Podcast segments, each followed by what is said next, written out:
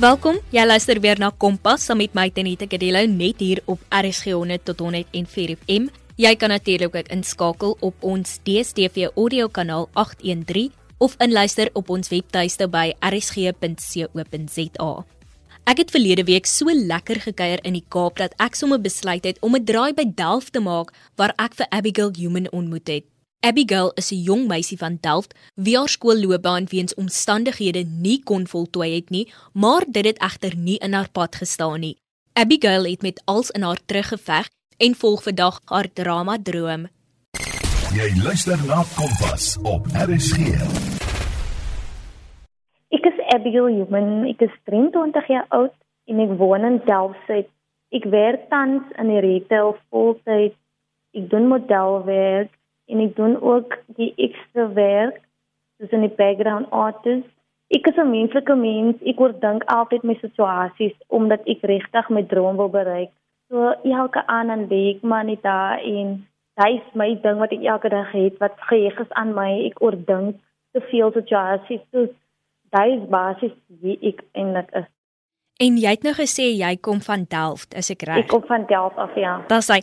Nou vertel vir my meer van die area van Delft waarin jy groot geword het. Ook ek het groot geword in Delft Suid. Dit was net ek en my ma en my broer wat saam gewoon het. Ons het hier in dag op in die area Delft, het ons hier in dag gebly terwyl ek nog baie klein gewees het. En agterna het my ma toe standvastige huis gekry wat 'n baas gegee het So, o oh ja, ek het basies in Delft opgegroei. Al vir vir my 23 jaar. En hoe was dit om in die area op te groei? Dit het eintlik 'n baie slegte impak gehad op my lewe van um daar was baie influencing in my area soos die skool waar ek by gewees het, die primêre skool en ook ek was nie op die hoërskool in my area nie, maar die primêre skool. So daar was baie vriende wat bad influence het, het in my lewe. Daar was gangsterisme tussen in my lewe waar ek myself ingelaat het omdat daar was 'n ander uitweg vir my om beter vriende te kry of van almal in my straat en agter my straat, agter my voor my was deel van dit. So ek wil uitgevoel het hê, dis hoekom ek ook daar ingegaan het. En ek het op die einde van die dag het ek involve geraak in ene en ek het swanger geword agterna en so het my lewe geïmpak my skoolloopbaan het dit geïmpak. Ek kon nie skool klaar gemaak het want ek het swanger geword. So dit was eintlik 'n baie baie slegte impak in my lewe, maar op 'n van die dag het ek opgegee en ek het alleen my kind groot gemaak so. En dit bring my natuurlik by my volgende vraag. Dit is dan natuurlik deel van die moeilike omstandighede wat ja. jy moes deurmaak in jou lewe. Watter ander omstandighede is daar of struikelblokke wat jy op jou pad moes oorkom? Die feit dat ek my seun alleen moes groot gemaak het sonder 'n pa. My ma was deur die dag by die werk gewees.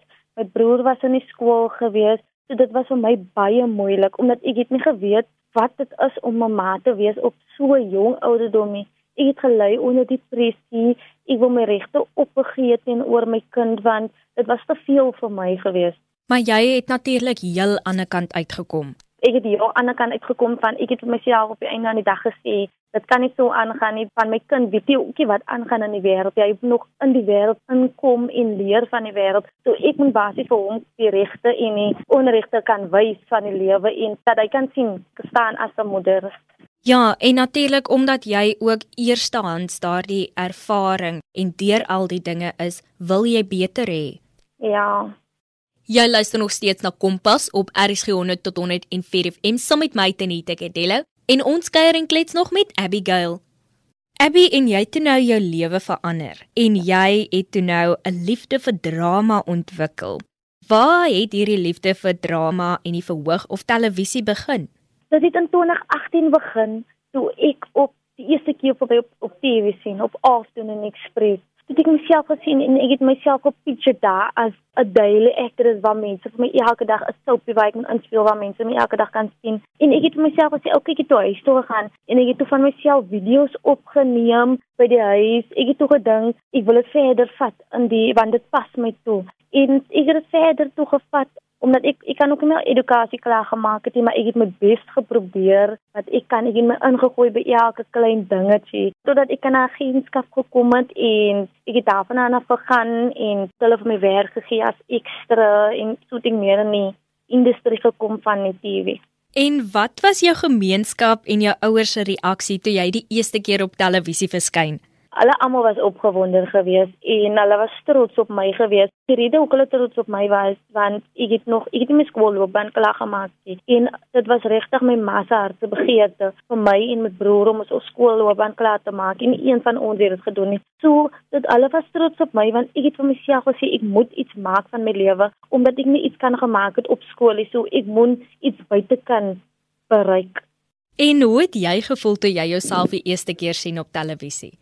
Ek myself die eerste keer op televisie toe. Het ek was baie excited van ek sien myself op TV like ek het dit nooit verwag in my lewe nie. Ek het altyd net gedink aan modeling en modeling maar ek het nooit geweet ek sal die dag myself op TV sien ek was eintlik baie trots op myself vir 'n jong mami wat 23 jaar oud is wat van niks af weet van TV of van drama of en so. Ek was eintlik baie trots op myself geweest Abby, dan het jy vir my gesê dat jy's nou betrokke by Arendsvlei en jy skiet nou vir Arendsvlei en jy gaan ja. nou deel word van Arendsvlei.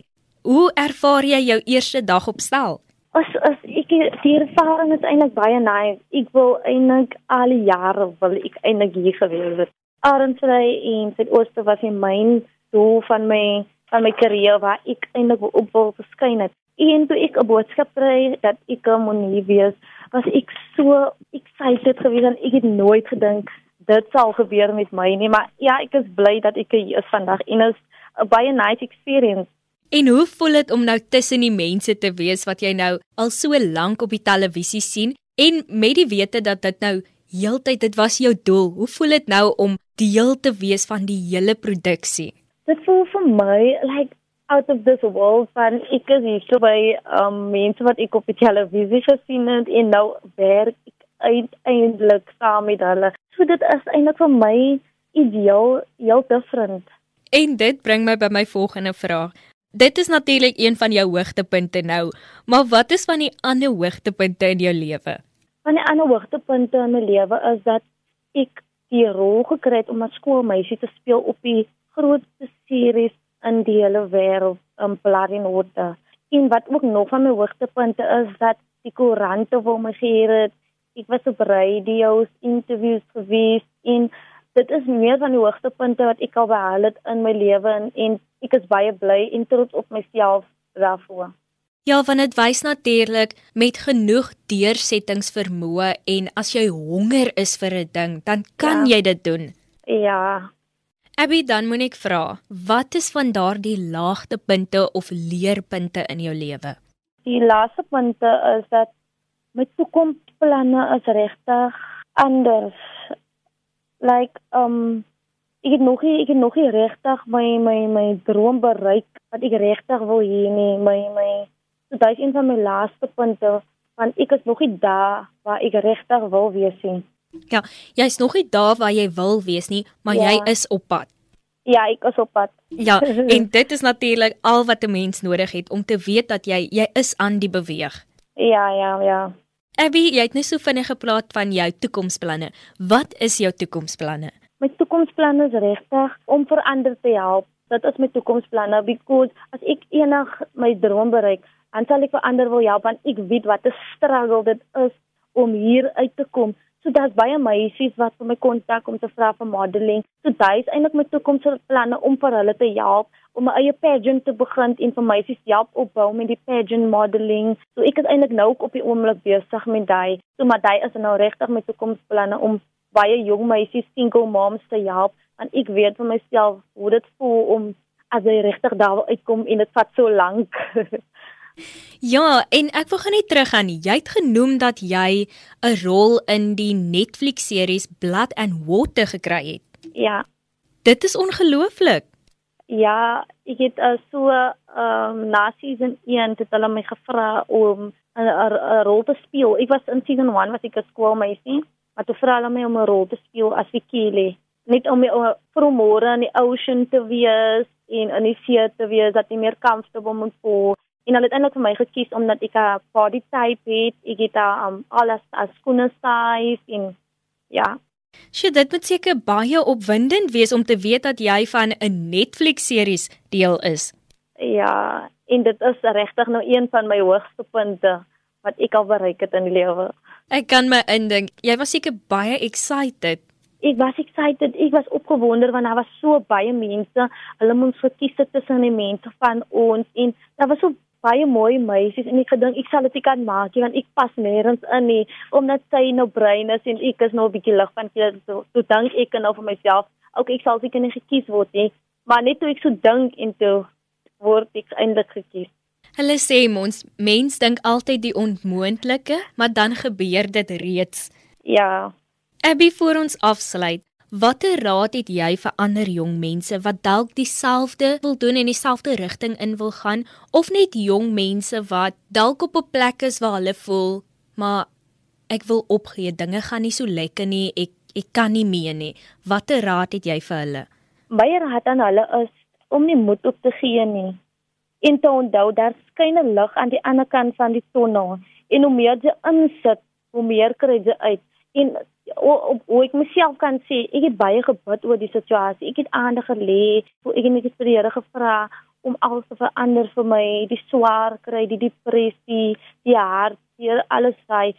So hulle moenie moed opgee nie. Hulle moet aanhou. Hulle moet nog bid want dit help eintlik baie. Sjoe Abby, dit wys jou net in deursettingsvermoë is daar beslis krag. Baie dankie Abigail dat jy saam gekuier het vanaand en jou storie met ons gedeel het. Dit is nou tyd om Mamasbury se kant toe te beweeg en saam met die 18-jarige Conwell Swarts te gesels. Ek is Conwell, my van is Swarts, gematrikuleer. Een van my gunsteling vakke op skool was visuele kuns en dat ek ook sukses behaal het in my kunste en ek het ook 'n groot liefde daarvoor. Conwell, waar het hierdie liefde vir kuns begin? My liefde vir kuns het begin toe ek graad 3 was, nog op laerskool. Toe het ek al begin teken, maar nog nie besef dat ek baie goeie talent het en so sterk sal wees in hierdie vak of in hierdie kuns nie. En soos ek opgegroei het, het ek nuwe tegnieke aangeleer en nuwe style geëksperimenteer. Later het ek besef dat ek nogal baie goed is en ek het begin ontwikkel in hierdie kuns.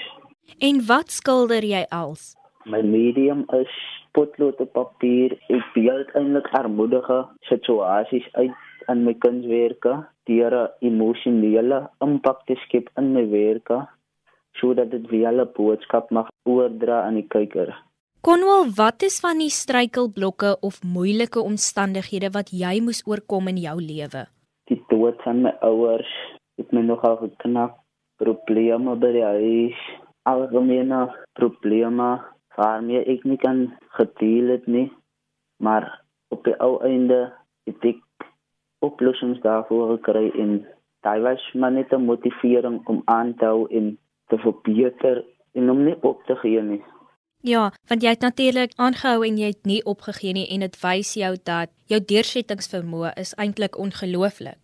Konwal, dan wil ek weet, wat is die gemeenskap se reaksie oor jou werk en die sukses wat jy nou behaal met dit? My gemeenskap is baie trots op my. Hulle moedig my nou nog aan om te sê dat ek moet net suksesvol wees en dat hulle padden bly vir my en dat hulle ook wil sien dat ek aan die einde van die dag suksesvol is en iets kan maak van my lewe omdat ek juis nie meer ouers het nie.